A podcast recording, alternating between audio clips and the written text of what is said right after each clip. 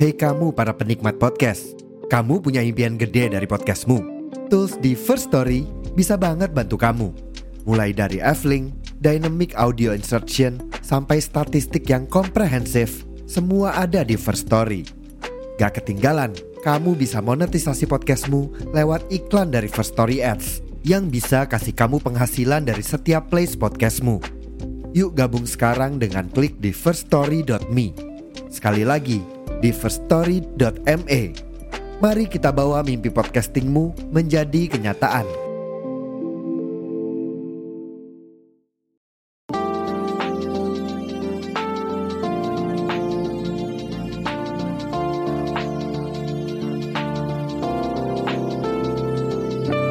Halo selamat pagi, siang, sore, dan malam. Kembali lagi di Interisme Podcast Podcast yang bahas berita-berita seputar Inter Yang gue kutip dari sosial media dan portal-portal berita olahraga. Hari ini gue ngetek tanggal 18 Mei eh, Beberapa hari menjelang laga pamungkas Serie A di pekan ke-38 di mana Inter akan mencoba untuk merebut Scudetto-nya kembali Walaupun agak mission impossible juga ya Karena peluang Milan memang lebih besar dia hanya butuh hasil imbang melawan Sassuolo yang saat ini udah nggak ada motivasi apa-apa lagi udah jauh dari zona degradasi dan jauh juga dari zona Eropa. Sementara Inter akan bermain di kandang melawan Sampdoria yang kondisinya sekarang juga udah terlepas dari zona degradasi. Sampai ke Giornata 37 ini menurut gue ini penurunan yang cukup besar bagi Inter ya kalau dibandingkan dengan musim lalu. Musim lalu itu Inter total poin yang didapatkan itu berhasil mencapai 90 kalau musim ini kalaupun besok menang Sampdoria hanya 84 dari segi kalah juga Inter musim lalu cuman kalah tiga kali. Sedangkan musim ini udah kalah empat kali. Kalah dari Lazio, Milan, Bologna sama Sassuolo. Dan fun fact-nya untuk tiga pertandingan uh, Inter yang kalah yaitu melawan Lazio, Milan dan Bologna pencetak gol pertamanya selalu Ivan Perisic. Walaupun di pertandingan selanjutnya tuh eh, lawan Salernitana Ivan Perisic cetak gol tapi Inter nggak kalah. Sedangkan untuk Milan musim ini juga jadi musim yang sangat improve bagi mereka. Musim lalu mereka hanya berhasil mengumpulkan 79 poin dengan 7 kali kalah. Musim ini Milan udah 83 poin dan kalahnya hanya 4 juga. Sama seperti Inter tapi Inter seringnya lebih banyak yaitu 9 kali sedangkan Milan 8 kali. Dari segi mencetak gol juga Inter uh, agak menurun ya musim lalu kalau nggak salah sampai 89 gol musim ini baru 81 tapi kalau dari jumlah kebobolan musim ini agak lebih sedikit yaitu dengan jumlah 31 sedangkan musim kemarin totalnya 35 tapi kenapa Inter saat ini hanya berada di posisi kedua? Kalau menurut gue itu ya karena gue rasa sih mungkin teman-teman juga udah pada tahu Inter sering banget buang-buang poin buang-buang peluang dan bikin kesalahan juga kesalahan sendiri gitu. Bukan karena lawan-lawan yang lebih bagus ya menurut gue ya karena dari Juve aja Juve sangat menurun banget dari lalu atau dari dua musim terakhir tuh Juve udah menurun. Milan juga ya gue akuin untuk musim ini improve-nya bagus. Secara chemistry juga lebih oke. Okay. Pioli udah bersama mereka tiga tahun gue rasa uh, mereka cukup sabar dan mungkin hasilnya bisa dipetik musim ini. Tapi walaupun begitu gue rasa Inter masih ada di atas mereka gitu. Justru Juve yang masih gue anggap secara squad itu lebih bagus daripada Inter musim ini. Oleh karena itu kali ini gue akan mencoba membahas beberapa momen atau kejadian penting yang mungkin akan akan kita sesali. Kalau di sini konteks gue sih akan ya kesel aja gitu. Bukan kecewa atau menyalahkan pemain tersebut atau pelatih. Cuman momen-momen yang gue bahas kali ini momen-momen yang kadang-kali kita berpikir aduh kenapa sih bisa kejadian sih? Harus kejadian e, momen seperti itu. Sayang banget kalau misalnya itu nggak kejadian mungkin Inter bisa Scudetto dengan mudah di pekan ke 35 seperti musim kemarin 34 35 lah. Tapi kalau boleh milih satu satu momen atau kejadian yang paling gue sesali kalau Inter gagal Scudetto musim ini adalah momen ketika Lautaro gagal penalti versus Milan di pertemuan pertama. Kenapa momen itu? Pertama, itu kondisinya Inter udah sempat unggul dulu 1-0 dari gol penaltinya Calhanoglu, kemudian diimbangkan dari golnya on golnya The Fridge itu sebenarnya ya, on goal The Fridge. Nah, terus Inter dapat penalti lagi, tapi kenapa harus ngasih penaltinya ke Lautaro Martinez sedangkan Calhanoglu yang di kesempatan pertama udah berhasil, dia nggak nendang lagi. Kenapa? Dan kipernya juga bukan make mainan gitu. Kipernya tuh si Tata Rusanu mainannya masih cedera. Itu kesempatan banget Inter untuk dapat poin penuh dari Milan. Ya, kita tahu sendiri di pertandingan kedua, make mainan juga main bagus banget. Emang layak sih jadi kiper terbaik Serie A musim ini ya. Walaupun baru debutnya di Serie A, dia udah layak banget. Terus setelah kejadian itu sebenarnya ya Inter masih sering banyak nyerang gitu. Tapi ya banyak peluang-peluang yang dibuang-buang juga. Kayak Barella udah gawangnya kosong. Ya itu ada setelah kosong gitu dia malah nendang pelan ke arah yang ada back Milannya kalau nggak salah Kalulu atau Tomori waktu itu ya. Terus uh, di akhir pertandingan juga Vidal punya kesempatan, udah punya peluang emas gitu. Cuma tendangannya masih terdeflect oleh pemain Milan, sayang sekali. Jadi kalau menurut gua momen itulah yang paling gue sesali kalau misalnya Inter gagal Scudetto musim ini. Kalau yang pertemuan kedua yang Inter kalah 1-2 dari Milan, ya itu juga Internya juga main jelek ya walaupun di babak pertama sempat menguasai pertandingan. Di babak kedua Inter ditekan terus dan akhirnya Alexis Sanchez melakukan blunder yang menyebabkan bolanya direbut oleh Giroud terus melakukan counter attack cepat sehingga ya Giroud bisa menyamakan kedudukan dan akhirnya di beberapa menit sebelum laga usai dia berhasil mencetak gol kemenangan. Kalau seandainya di putaran pertama Inter masih bisa menang dari Milan, itu head to headnya sama, sama-sama sekali menang. Terus sekarang kondisinya poin Inter berarti ada 83, Milan 82. Ya, mau gimana? Namanya udah kejadian ya kita tinggal berharap ke pertandingan terakhir aja nih berarti. Semoga masih ada keajaiban seperti tragedi 20 musim lalu antara Juve, Lazio, dan Inter yang mungkin nggak akan atau nggak mau kita inget ya sebenarnya. Kejadian yang cukup menyesakan juga bagi Interisti. Nah, tapi selain momen gagal penaltinya Lautaro, gue juga merangkum beberapa momen lain. Nah, di antaranya itu imbang melawan tim-tim yang secara garis besar di bawah Inter jauh levelnya gitu. Imbang lawan Genoa 0-0 itu tuh aduh, pusing banget. itu Inter punya 21 shot, 4 on target, tapi gak ada yang jadi gol. Itu buang-buang peluangnya banyak banget. XG-nya gede banget itu 4 atau 5. Terus lawan Torino juga itu imbang satu sama, sempat kecolongan kemenangan gol cepat dari Bremer terus akhirnya itu juga ya sedikit-sedikit hoki lah bisa menyamakan kedudukan di menit akhir di injury time dari Alexis Sanchez. Kemudian lawan Fiorentina juga seri satu sama bulan duluan juga dari golnya si siapa tuh yang giginya hilang? Oh Torreira. Terus dibalas oleh Dumfries juga akhirnya. Ya walaupun di pertandingan Torino lawan Fiorentina itu tanpa Brozovic seenggaknya secara kelas mau ngasih harusnya masih bisa menangani kedua tim tersebut. Apalagi Genoa ya Genoa itu masih ada Brozovic juga kalau gua nggak salah ya. Harusnya masih ada Brozovic sih. Nah terus selain uh, seri lawan tim-tim tersebut Inter kalah di kandang lawan Sassuolo 0-2 waduh di kandang lagi kalahnya. Itu nyesek banget. Itu itu tengah itu udah emang tanpa Brozovic ya. Jadi Inter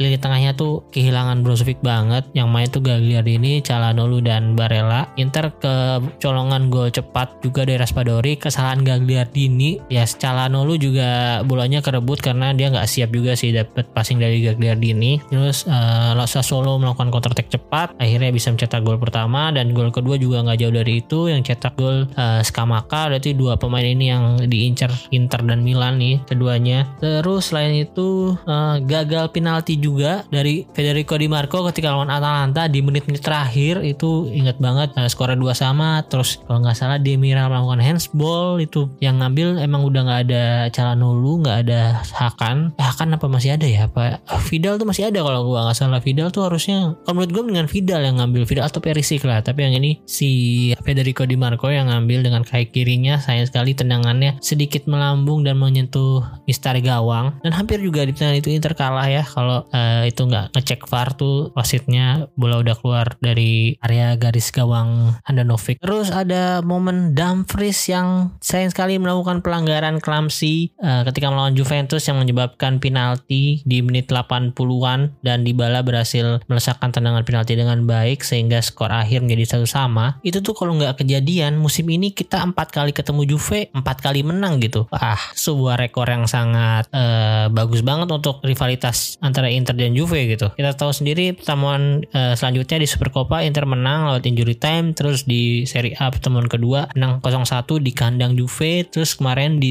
di Coppa Italia final menang 2-4 dari Juve. Kalau misalnya leg pertama Serie A menang juga 1-0 wah. Selain untuk naikin mental secara poin juga jelas nambah 2 poin kan? Jadi itu sangat disayangkan banget sih kalau menurut gua. Dan yang terakhir mungkin momen blunder Radu ketika melawan Bolonya ya pastinya. Mungkin banyak teman-teman interesi juga yang sangat menyayangkan kejadian itu kenapa harus terjadi. Itu kondisinya Inter punya satu cadangan pertandingan yang harusnya bisa dimanfaatkan dengan baik. Dan di awal pertandingan juga udah mencetak gol cepat. Tapi memang kondisi defense Inter juga kurang baik ya. Bastoni belum bisa bermain nah, jadi diisi oleh Di Marco yang marking bola atasnya menurut gue masih kurang banget. Dia kalah dua kali dan satunya jadi gol oleh Arnautovic selain itu juga striker-strikernya juga pada melempem gue bingung deh pertandingan itu gimana sih. Banyak banget peluang. Ini kalau dari statistik peluangnya ada 26 shots yang on target ada 7 sedangkan si Bolonya on targetnya cuma 3 2 jadi gol. Wah kacau banget sih striker pada ngampas semua pertandingan itu. Zeko Lautaro Korea banyak peluang tapi cuma Perisic yang bisa golin di menit-menit awal jadi itulah beberapa momen yang gue rangkum, momen yang paling disesali atau disayangkan kalau misalnya Inter gagal Scudetto musim ini. Nah itu kan kalau menurut gue.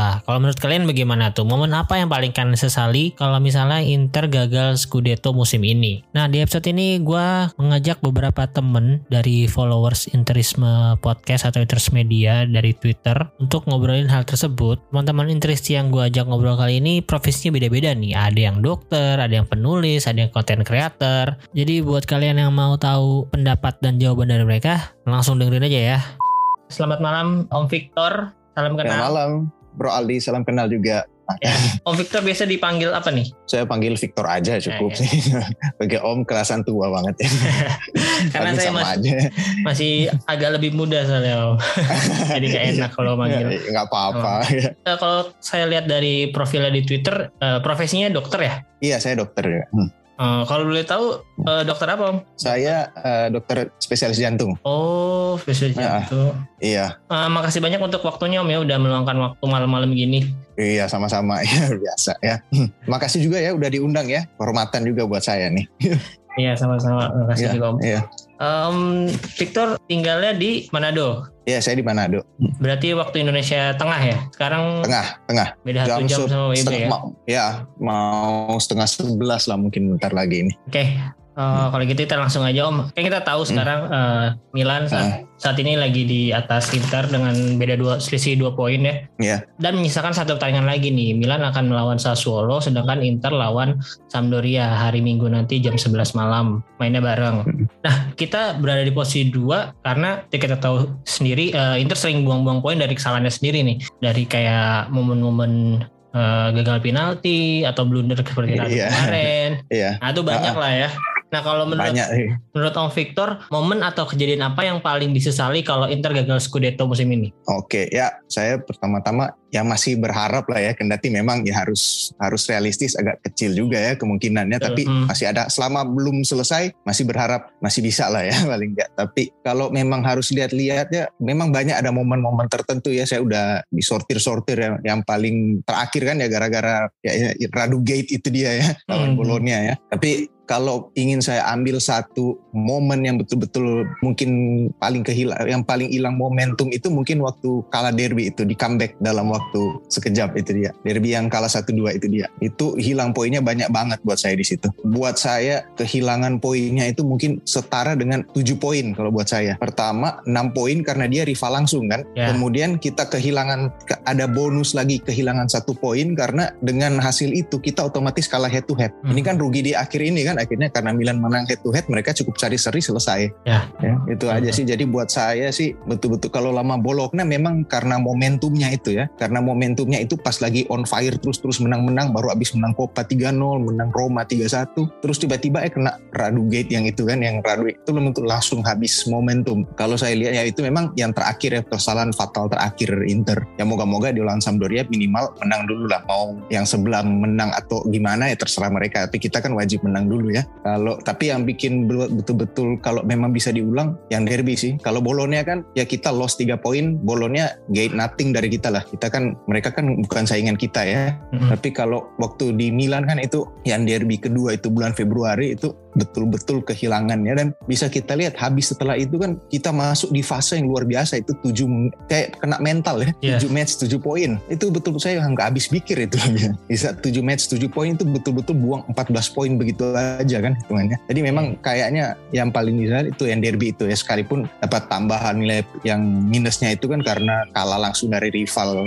ya rival abadi lah salah satunya. Jadi ya memang lebih menyakitkan juga. Apalagi hilang poinnya banyak di situ. Kalau kita lihat ke belakang di pertandingan itu ada tiga kalau saya sih nge-highlight ada tiga eh, kejadian yang cukup mm-hmm. saya sesali itu. Pertama Alexis uh-huh. blunder itu iya, kehilangan yeah, bola direbut Giroud walaupun ya yeah. 50-50 lah debatable itu fall atau enggak. Yeah. Uh-uh. Mm. Terus ada Dumfries mm, juga yang gagal cetak uh, gol walaupun itu udah tinggal head uh, one by one juga sama Uh, Terus ada yeah. satu lagi ya, ya defense Defray yang uh, tengah sangat jelek ke, banget sih iya, saya. Yeah, itu nggak yeah. bisa marking Giroud dengan baik. Iya, langsung di kayak di swirl gitu, diputar gitu langsung ya udah langsung ketembak saya pakai kaki kirinya dia selesai gitu dan dalam yeah. waktu cuma beda kayak masih shock itu ya kayak masih apa ya baru kebobolan satu sama kan tiba-tiba hmm. langsung kebobolan dua satu itu kayak betul-betul kena mental gitu kan dan yeah. ya yang bikin ya memang Alexis Sanchez terus yang waktu itu memang saya udah feeling gak enak karena tiba-tiba kan langsung diganti tiga pemain itu kan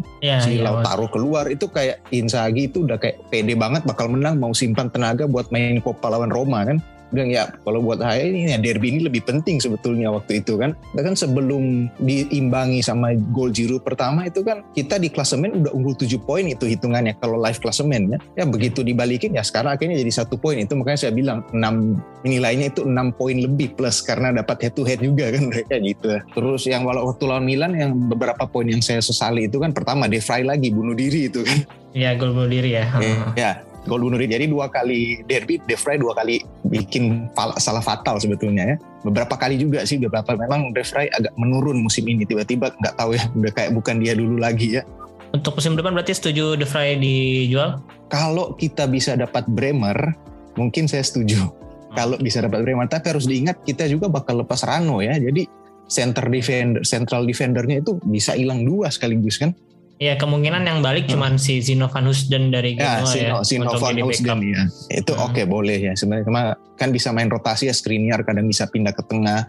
Ya moga-moga aja Bastoni nggak cabut. Ini kan gosip hari ini kan katanya City goda-godain ya.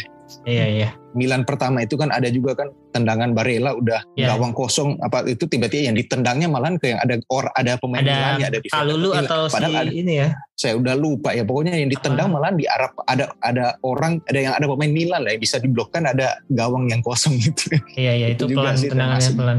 Terus Vidal ya. juga Vidal di menit terakhir iya. juga Vidal keblok. Iya, tapi udahlah kalau Vidal keblok masih ya masih agak wajar lah itu sih ya bilang terus ya banyak buang poin yang di Februari Maret itu bulan kekelaman lah men penghiburnya itu gara-gara di situ kan menang sama Liverpool doang tapi yeah. kan ya pada dasarnya secara secara apa kualifikasi nggak berarti sebetulnya itu paling cuman ya harga diri aja bisa ngelain the great Liverpool ini di Anfield gitu aja ya setelah lawan Milan eh, kalah di derby itu ya yeah trennya udah menurun banget internal. Langsung drop, iya. Abis abis itu kan satu sama lawan Napoli itu wajar lah ya. Napoli Main satu sama lawan Napoli di Maradona itu udahlah wajar lah itu. Nah. Abis itu kalau salah kalah langsung lawan Sassuolo itu padahal kesempatan rebut puncak Sungguh. itu kan waktu itu kalau nggak salah Milan seri sama Udinese gitu atau Salernitana udah lupa. Iya iya itu itu kan antara seri sama Udinese sama Salernitana. Terus tiba-tiba ya itu kan blunder Gagliardini juga aku ingat itu dia opernya ke Hakan yang lagi dikeberumuni pemain Sassuolo langsung di hmm. lang, iya langsung langsung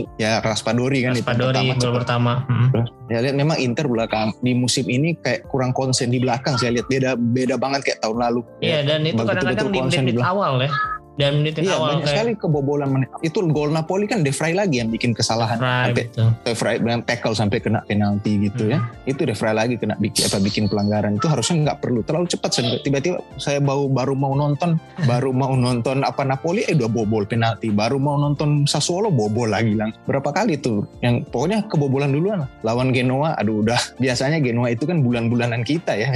Iya, Minimal 3-0, 2-0, 5 itu malah nggak bisa ambil poin. Kosong, iya. Uh -uh. Itu dari oh, tandingan kemarin 21 shot ke uh, total. Yang on goal ada 4 tapi nggak ada yang sama sekali jadi gol itu. Sayang banget. iya saya itu saya ingat ada peluang terakhir dan juga cuman kayaknya nggak masuk ya. itu juga ya. Saya ingat ada sempat di sundulannya uh, tiang dua, dua kali itu D'Ambrosio itu hampir saya bisa bikin gol. Terus pertama juga lawan Atalanta kan yang di awal tahun itu kan sebetulnya itu D'Ambrosio juga ada kan nanti itu Atalanta itu peluang bagus juga kita sebetulnya kan dapat hmm. poin abis kita menang Super Copa kan uh, waktu itu Atalanta banyak banget pemainnya habis kan itu betul-betul lihat betul-betul ya? cedera semua. Hmm, antara COVID, COVID atau cedera itu kan habis hmm. semua Atalanta kayak melempem dan mereka kan memang payah main kandang biasanya ya.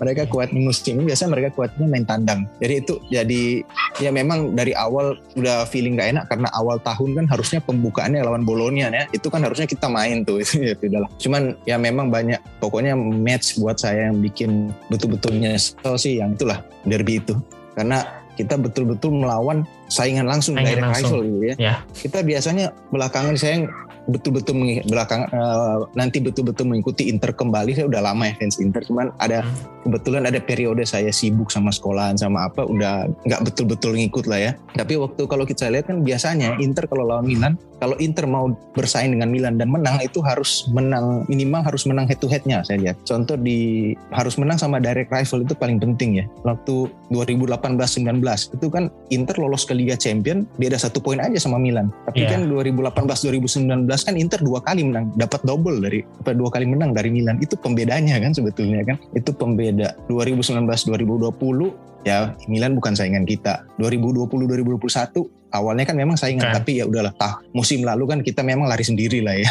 Udah memang begitu sampai di tengah kita menang derby selesai. Itu udah kita betul-betul kayak tancap gas sampai akhir nggak berhenti berhenti lagi. Sama kayak musim ini. Sama kayak ini kan kejadian kayak 10 tahun lalu ya waktu kita bersaing sama Milan Milan menang derby terakhir ya Milan Scudetto akhirnya gitu Iya itu makanya banyak itu uh, beberapa cocok logi di cocok sosial media ya.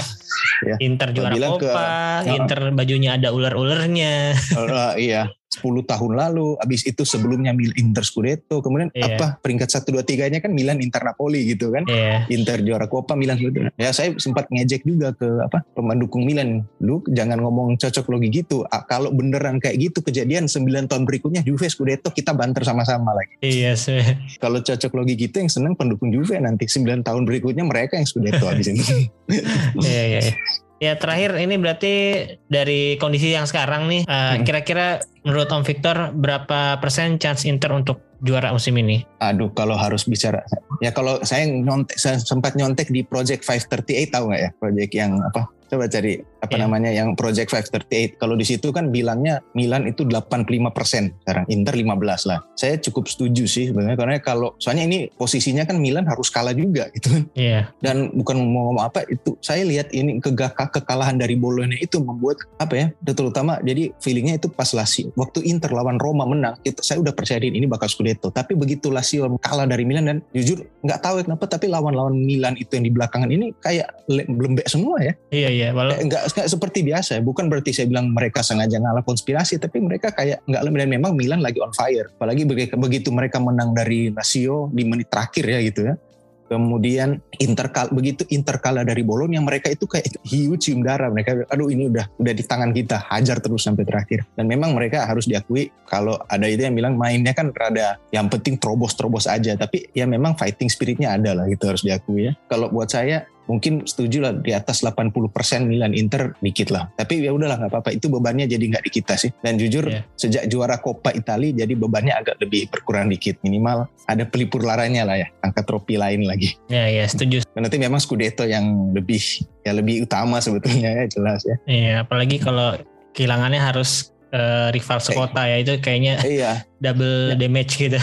Nah, makanya saya bilang kehilangannya tuh kayak begini agak lebih sakitnya karena kita tuh sebetulnya yang buang-buang itu ya yang buang-buang yeah. peluang. Ini dan saya saya waktu pertama kali Insagi masuk saya seandainya mungkin dari awal kita udah kalah tertinggal jauh dan kita memang targetnya mungkin cuma empat besar udah senang. Tapi kan ini sebetulnya kita ini betul-betul berkesempatan sebetulnya ya, untuk mempertahankan juara. Jadi memang agak ya apa boleh buat lah. Tapi ya siapa tahu memang masih bisa ya masih bisa. Siapa tahu kejadian 20 tahun lalu keulang lah. Tapi yang di apa Juve uh, Lazio Inter itu ya ini kita tahu kebalik ya kecil memang kemungkinan saya harus ya udah siap-siap hati lah kalau kehilangan Scudetto ya Cuman selama memang matematisnya belum, mereka juga kan yang lebih tegang sebetulnya dari kita sekarang kan. Mm-hmm. Karena yeah. ya intinya mereka yang harus nyari poin gitu kan. Kita kan menang aja dulu, tersisanya terserah terserah nasib lah gitu. Mm-hmm. Oke, okay, Om Victor terima kasih banyak untuk waktunya.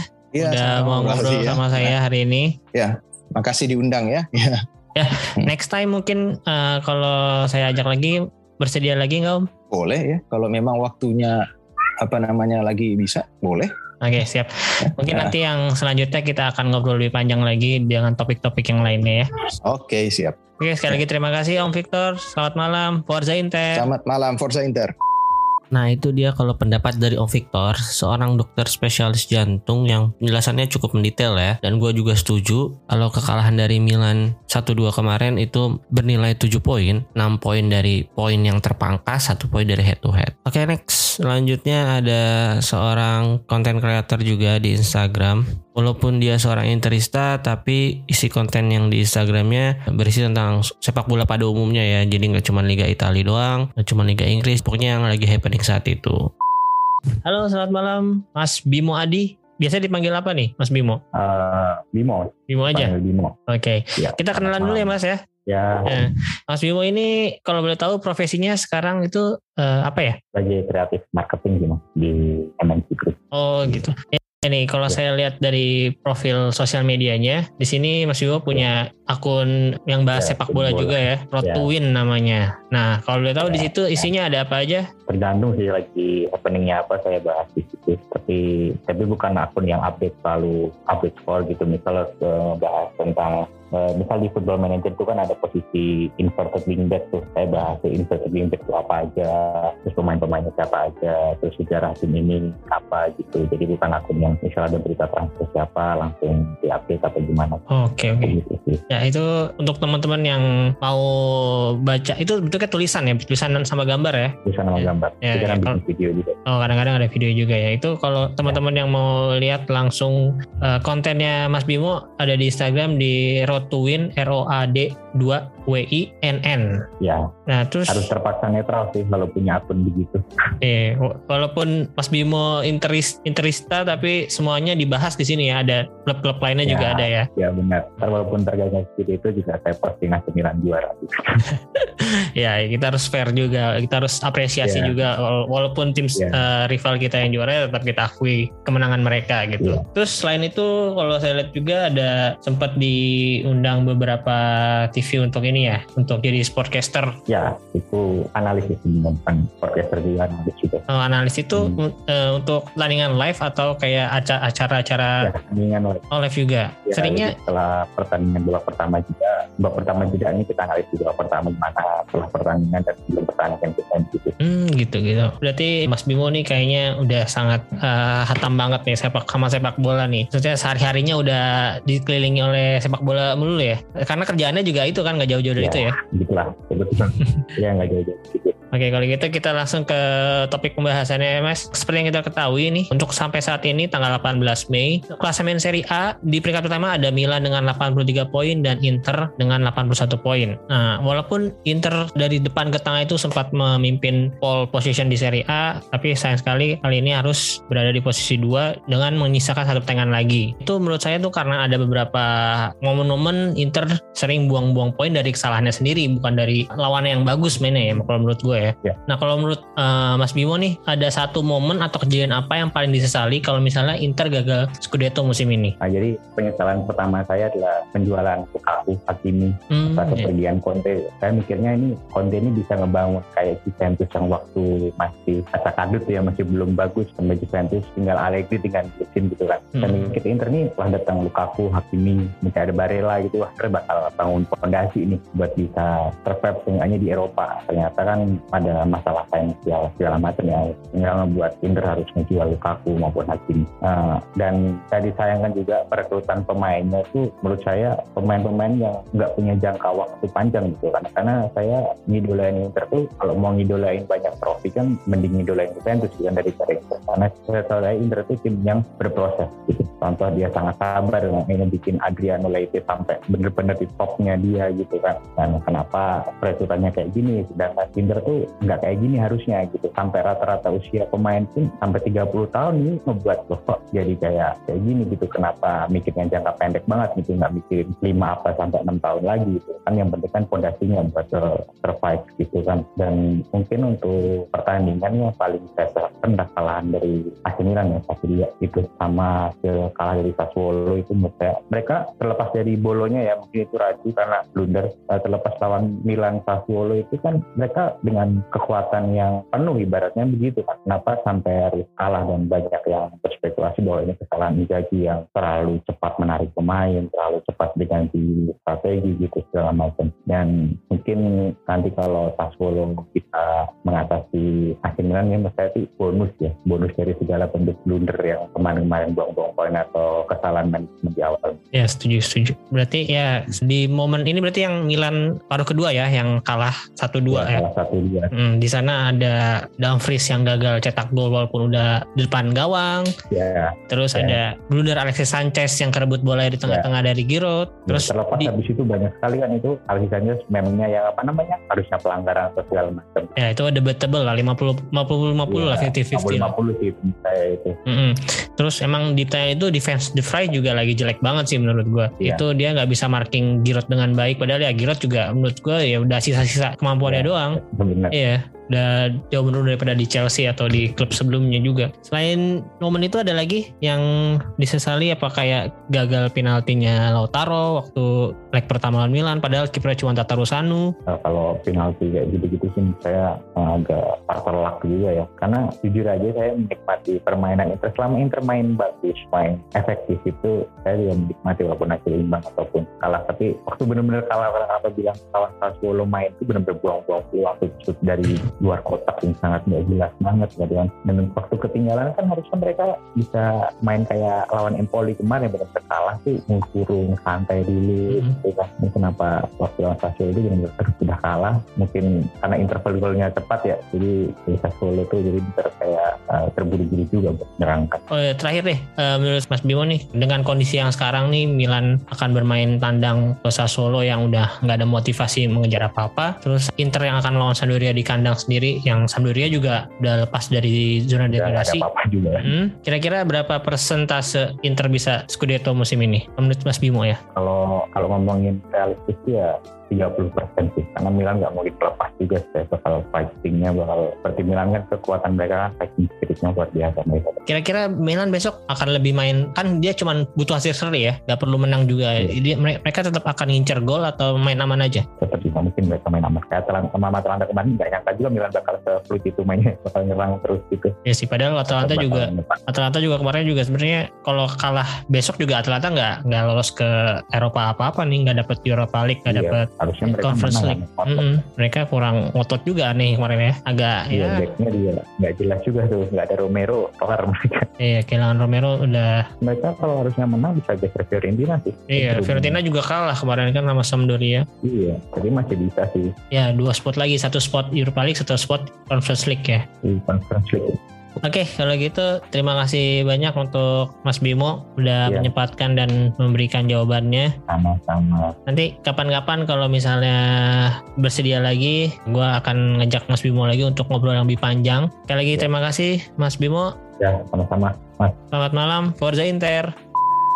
Nah itu dia kalau pendapat dari Mas Bimo. Jadi udah ada dua orang nih yang menyesali kejadian atau kekalahan di pertandingan Inter lawan Milan dan Inter harus kalah di pertandingan tersebut. Selanjutnya kali ini yang terakhir ada seorang Interstar senior juga nih. Cukup sering memberikan opininya di sosial medianya baik di Twitter maupun di Instagram. Dan gue rasa beberapa teman yang dengerin mungkin udah tahu juga tentang beliau. Jadi langsung dengerin aja ya.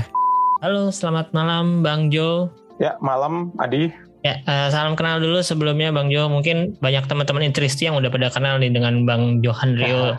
Kalau boleh tahu sekarang saya lihat dari profil sosial medianya, uh, Bang Jo ini profesinya ini ya, pengajar atau dosen ya? Bukan, saya penulis. Oh, penulis justru. Oh, keren akademisi. Tapi mahasiswa, mahasiswa S2. Oh, begitu. Ya, ya, ya. Mahasiswa S2 ya. Uh, kalau saya lihat di profil sosial medianya a writer, daily uh, daily reader, recreational sportsman and gamer juga. Bang Jo, main game uh, banyak apa? Sih. Ba banyak sih. Ya FIFA tentu saja. Ya pasti. Online FIFA, juga. FM itu ya on, um, online ya. Mm-hmm. Food, mm, main FIFA Food. Oke, okay, kalau gitu langsung aja nih saat ini di tanggal 18 Mei, posisi Inter di klasmen ini lagi di bawah Milan dengan berbeda dua poin dan hanya menyisakan satu laga pamungkas di Granata ke-38 nanti. Kalau menurut dari pandangan saya sih Inter berada di posisi ini karena sering buang-buang poin sendiri dari kesalahannya kayak gagal penalti, blunder, on goal dan macam-macam lah. Nah kalau menurut Bang Jo nih satu momen atau kejadian apa yang paling disesali kalau misalnya Inter gagal Scudetto musim ini? Iya, saya mungkin agak berbeda dengan teman-teman yang lain yang mungkin uh, bolokna gitu ya. Tapi saya hmm. lebih kepada di bulan Februari, khususnya di lawan Sassuolo ya, itu kan sebenarnya banyak banget peluang gitu. Bahkan XG-nya itu sampai 4 ini kalau saya lihat kemarin itu. Jadi kelihatan banget buang-buang peluangnya dan nggak ada gol sama sekali. Kalau lawan Bologna kan ya masih ada gol lah. Dan errornya Radu itu saya pikir masih bisa dimaafkan. Gerard aja masih masih bisa kayak gitu kan dengan se seorang sekelas Gerard, kapten, mentalnya mental champion, tapi ya kepleset juga waktu Liverpool gagal gitu kan. Nah ini Radu yang kelas kedua kepleset saya kira wajar. Tapi waktu lawan Sassuolo di bulan Februari gitu kan, yang harusnya bisa menang itu malah kalah 2-0 gitu. Minimal itu kan 3 gol gitu kalau ngelihat XG-nya sampai 4. Itu sih kalau saya yang lihatnya ya bulan Februari emang bulan paling suram lah ketik di musim ini gitu kan nggak pernah menang sama sekali di bulan itu. Ya kalau kita lihat dari statistiknya juga waktu lawan Sassuolo itu kalau nggak salah shootnya hampir 30-an ya sekitar 28 29 terus on targetnya 8 dan emang konsiglinya juga lagi gila sih. Ya selalu sih kalau lawan Inter konsigli akan selalu seperti Oliver Kahn dan kiper-kiper legend lainnya ya. Iya sih iya. Iya jadi emang Sassuolo ini jadi, jadi jinx Inter sih dari dulu. Ya sampai sekarang masih gitu. Kirain udah selesai ternyata musim ini jadi jinx juga gitu. Jadi saya sih itu sih Sassuolo ini yang paling paling yang benar-benar membuat ini kan juga yang bikin Inter turun dari peringkat kan kalau nggak salah kalahan ini gitu kan yang akhirnya disalip Milan. Kalah sama Milan seri lawan Napoli kalah sama Sassuolo. Jadi Milan nyalip itu sih um, momen yang paling saya sesali gitu. Nah, kalau menurut Bang Jo kira-kira apa tuh yang bikin kemarin itu kan gol cepat juga ya uh, di awal laga kecolongan sama Raspadori itu ya ketika Hakan yep. kehilangan hmm. bola terus uh, Raspadori bisa ya tendangannya memang memang mengarah ke kiper sih cuman sayangnya Handanovic Kolong kalau nggak salah ya itu ya bolanya. Yep. Nah itu kira-kira uh, apa yang menyebabkan uh, Sassuolo bisa menang di kandang Inter waktu itu? Ya ini juga termasuk Simone Inzaghi ini belum belum kebiasa dengan tiga kompetisi gitu ya. Ini kan juga jadwal berat ya. Yeah. Champions, kemudian uh, Serie A dan Coppa Italia. Ini kan um,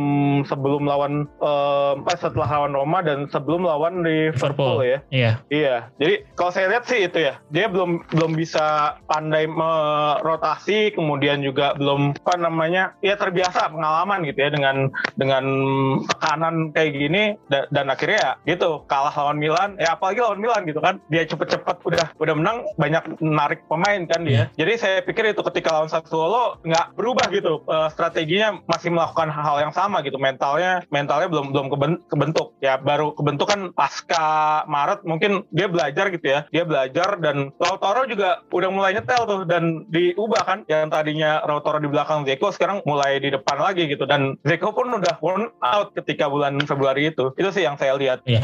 saat itu waktu lawan uh, Sassuolo itu Brozovic udah cedera belum ya? Masih pakai ada masih ada ya, Brozovic itu juga uh, oh, iya, itu juga ya? iya iya. termasuk Brozovic yang saya bilang kan di reply-nya Interisme media um, bahwa ya ini pelatih Brozovic penting banget. Brozovic gak ada ya udah Inter habis gitu kan. ya bulan Februari kan itu ya gara-gara Brozovic gak ada juga nggak ada nggak ada backup dan ya dia lagi flop lah. Ketika udah sembuh juga nggak nggak begitu langsung nyetel kan. Itu yang saya bilang kan salah satu evaluasi Inter ya butuh backup Brozovic yang benar-benar padan gitu. Ya soalnya selain lawan Sassuolo kalah juga lawan Torino, lawan Fiorentina itu juga yep. tanpa Brozovic kehilangan poin ya itu seri juga tuh dua yep. itu. itu sayang banget ya. Di fase-fase Februari itu. Iya itu makanya winter transfer itu nggak nggak dimanfaatkan untuk menambah Brozovic. Saya pikir Gosen masuk nih kan, Gosen masuk ada juga tambahan Brozovic ternyata nggak cuma cukup Gosen sama ya Chai Chaido gitu kan dan kita tahu akhirnya Chai Chaido cuma jadi penghangat bangku cadangan doang gitu kan. Gosen mhm. pun kalah sama Perisic yang bersinar terang gitu. Walaupun ya sepadan gitu kan um, Perisic nanti mungkin ya jangan sampai sih keluar tapi kalau ketika Perisic keluar ya semoga Gosen udah sepadan gitu kan udah bagus amin, gitu amin. sih. Berarti kalau untuk pelapis Brozovic musim depan nih yang paling realistis dan yang sesuai dengan budget Inter menurut Bang Jo ada siapa? Waduh ini kalau sesuai budget sih saya sepakat dengan BP ya si apa Al Sani ya yeah. namanya Aslani um, yang dari it, Empoli ya, itu ya Empoli betul ya cuman kalau pengen ideal sih ya apa yang dari PSG si Paredes gitu cuman ya, kan Paredes. ini nggak iya budgetnya nggak nggak nggak dapet gitu kan apa gajinya masih gede gitu kan ya dari PSG ke Inter kan tentu saja dia dia harus harus sesuai dengan gaji yang PSG itu sih ya kalau idealnya itu cuman kalau ya sesuai dengan budget dan mungkin agak sepadan ya yang dari Empoli itu si Ansalni itu. Oke okay, oke. Okay. Terus dengan kondisi yang sekarang nih, Inter akan melawan Sampdoria di kandang Inter, Giuseppe Meazza, terus kemudian Milan akan melawan Sassuolo di kandang Sassuolo. Kira-kira menurut Bang Jo berapa persentase Inter akan Scudetto musim ini? Kansnya ada berapa persen?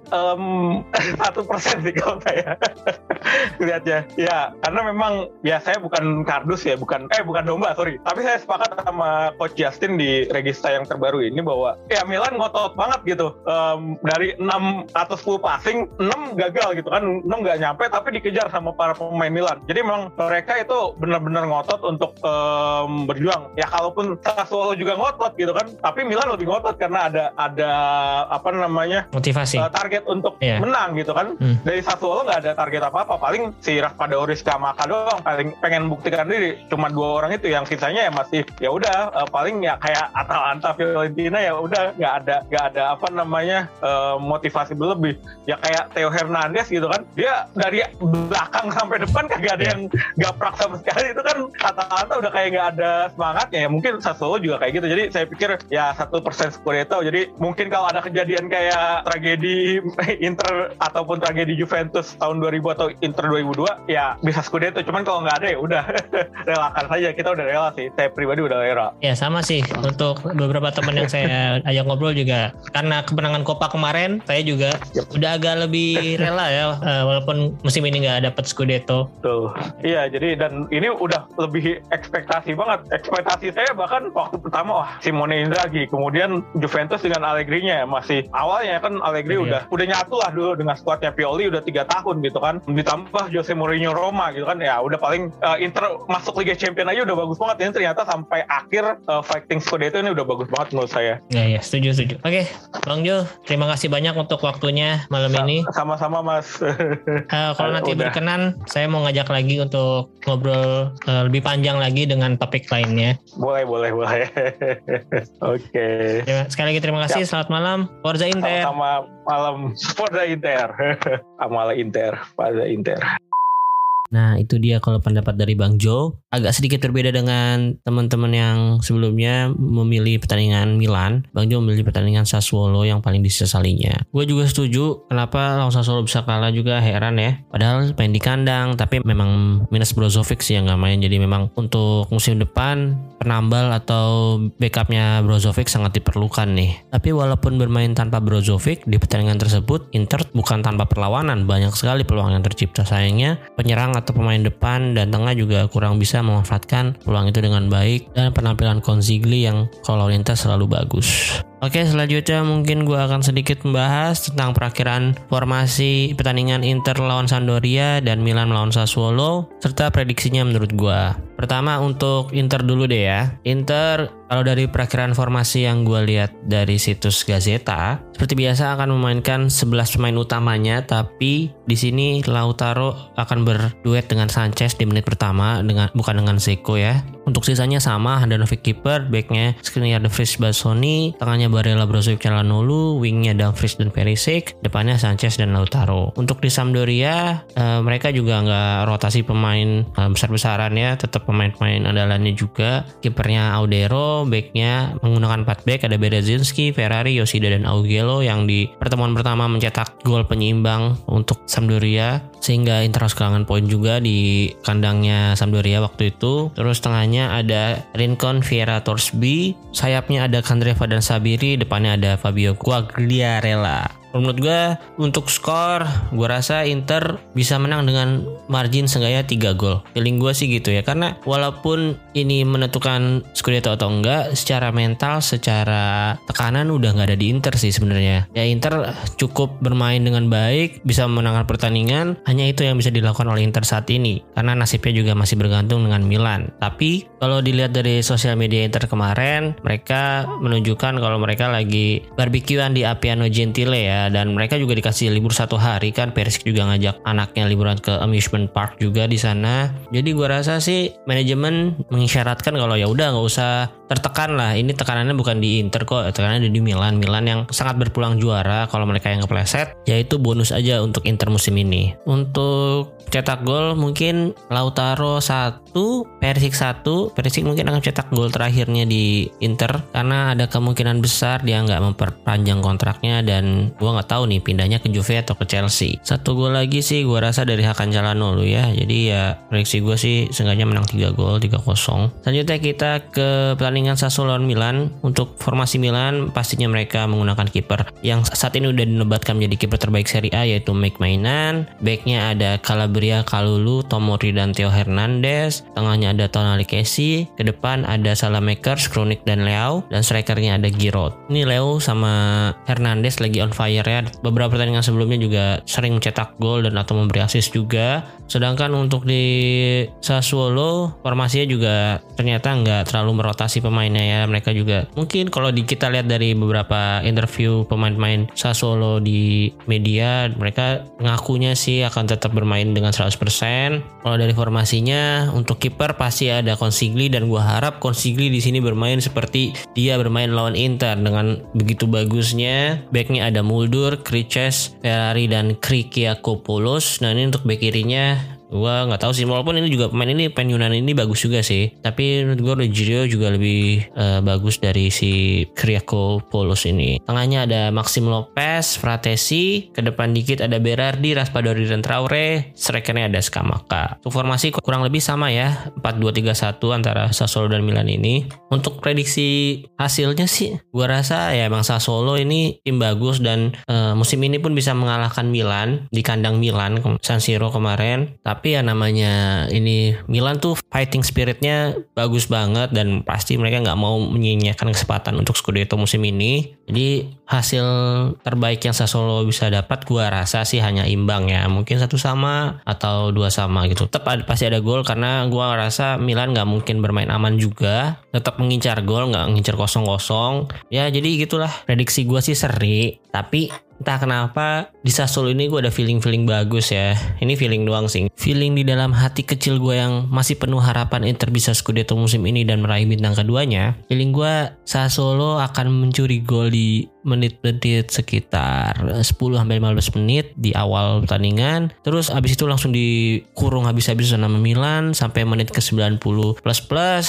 Tapi Milan gak berhasil mencetakkan gol ke gawang Consigli. Nah itu feeling Bukan prediksi ya. Tapi ya semoga aja feeling gue kali ini lebih benar daripada prediksi gue. Amin. Bisa aja kan Sassuolo jadi tim yang membantu Inter merebut Scudetto lagi seperti musim lalu. Oke mungkin segitu aja untuk episode kali ini. Terima kasih untuk teman-teman yang udah mendengarkan. Terima kasih juga untuk Om Victor, Mas Bimo, dan Bang Jo yang udah mau gue ajak ngobrol di podcast gue. Dan semoga aja gue bisa ngobrol-ngobrol lagi dengan teman-teman followers yang lainnya. Jadi kalau ada teman-teman yang mau ngobrol dengan gue di podcast boleh aja langsung DM ke Twitter atau Instagram. Twitternya ada Entrisme Media, Instagramnya ada Entrisme Podcast. Terus jangan lupa follow juga akun Spotify-nya dan nyalain lonceng biar kalian dapat notifikasi setiap ada episode baru. Sekali lagi terima kasih. Arrivederci, Forza Inter.